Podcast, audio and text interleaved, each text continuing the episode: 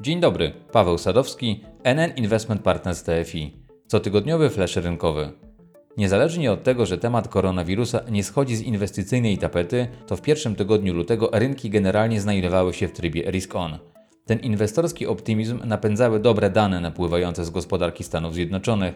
Mam na myśli raport ADP. Szacowana wartość zmiany zatrudnienia w prywatnych sektorach gospodarki za styczeń była zdecydowanie wyższa od oczekiwań oraz osiągnęła najwyższy poziom od maja 2015 roku. Przy okazji również pozytywnie zaskoczył wskaźnik ISM dla sektora usług, który przekroczył rynkowy konsensus na poziomie 55 punktów. Dodatkowo okazało się, że wyniki amerykańskich spółek za czwarty kwartał 2019 roku nie są aż tak słabe jak wcześniejsze projekcje nieznacznego spadku zysku EPS spółek wchodzących w skład indeksu S&P 500. Po półmetku sezonu raportowego można zakładać, że zyski wzrosły o 1,6% rok do roku. W podtrzymaniu dobrych nastrojów pomogły również informacje o tym, że Pekin potwierdził zamiar obniżenia ceł na import z USA o wartości 75 miliardów dolarów. Decyzja wejdzie w życie 14 lutego, kiedy Stany Zjednoczone obniżą cła z 15 do 7,5% na chiński import o wartości 120 miliardów dolarów. To wszystko sprawiło, że na Wall Street byliśmy świadkami nowych rekordów tamtejszych indeksów i to pomimo eskalacji wspomnianej na początku epidemii. Powracając do chińskiego koronawirusa, to warto odnotować, że w poniedziałek 10 lutego, po wydłużonych administracyjnie obchodach Nowego Roku w państwie środka, chińscy obywatele wrócili do pracy.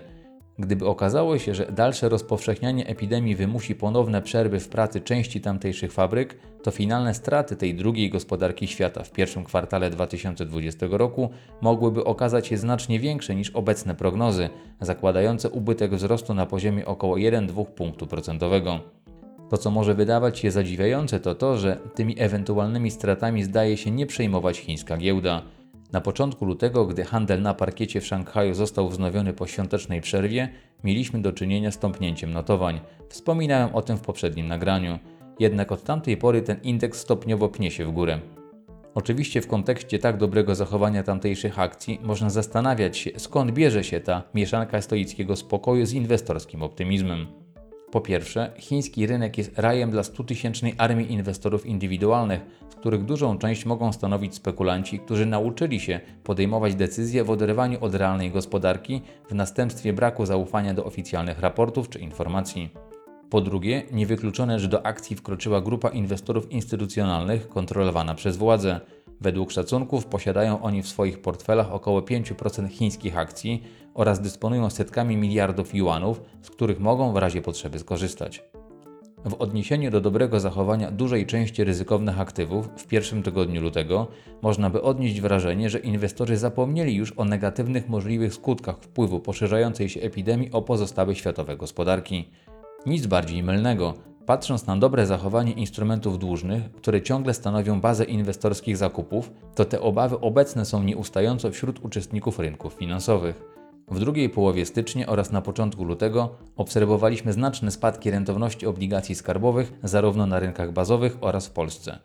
Zainteresowanie strategiami dłużnymi potwierdzają również statystyki dotyczące styczniowych napływów do krajowych funduszy inwestycyjnych. Podobnie jak w poprzednich miesiącach, uwaga klientów skupiła się głównie na funduszach dłużnych, które pozyskały w sumie 850 milionów złotych netto. Największą popularnością w tej kategorii cieszył się fundusz NN krótkoterminowych obligacji. W nawiązaniu do zachowania rynku długu skarbowego chciałbym teraz przytoczyć komentarz Wojtka Górnego, który jest szefem zespołu zarządzania papierami dłużnymi NN Investment Partners TFI oraz zarządza wspomnianym przed chwilą funduszem NN krótkoterminowych obligacji. W styczniu wydarzyło się tyle, co nieraz przez pół roku. Oczywiście inwestorzy mogli dzięki tym wydarzeniom zarówno sporo zarobić, jak i dużo stracić. Zacznijmy od tego, że w Polsce za grudzień zanotowaliśmy zaskakująco wysoką inflację.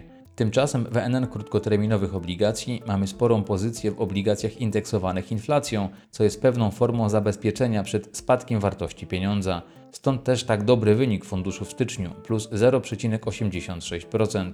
Co więcej, uważamy, że nie jest to koniec wysokich odczytów inflacji. Byliśmy także aktywnymi zarządzającymi i reagowaliśmy na to, co działo się na świecie. Rok zaczął się od napięć na Bliskim Wschodzie, natomiast dziś najważniejszym tematem jest bez wątpienia koronawirus z Chin. Sytuacja zmienia się dość szybko, jednak coraz więcej wskazuje na to, że wspomniany wirus będzie miał realne przełożenie na gospodarkę, a spowolnienie, szczególnie w Azji, będzie widoczne. Na to jednak mogą zareagować banki centralne poprzez obniżki stóp procentowych. To tyle na dzisiaj i do usłyszenia.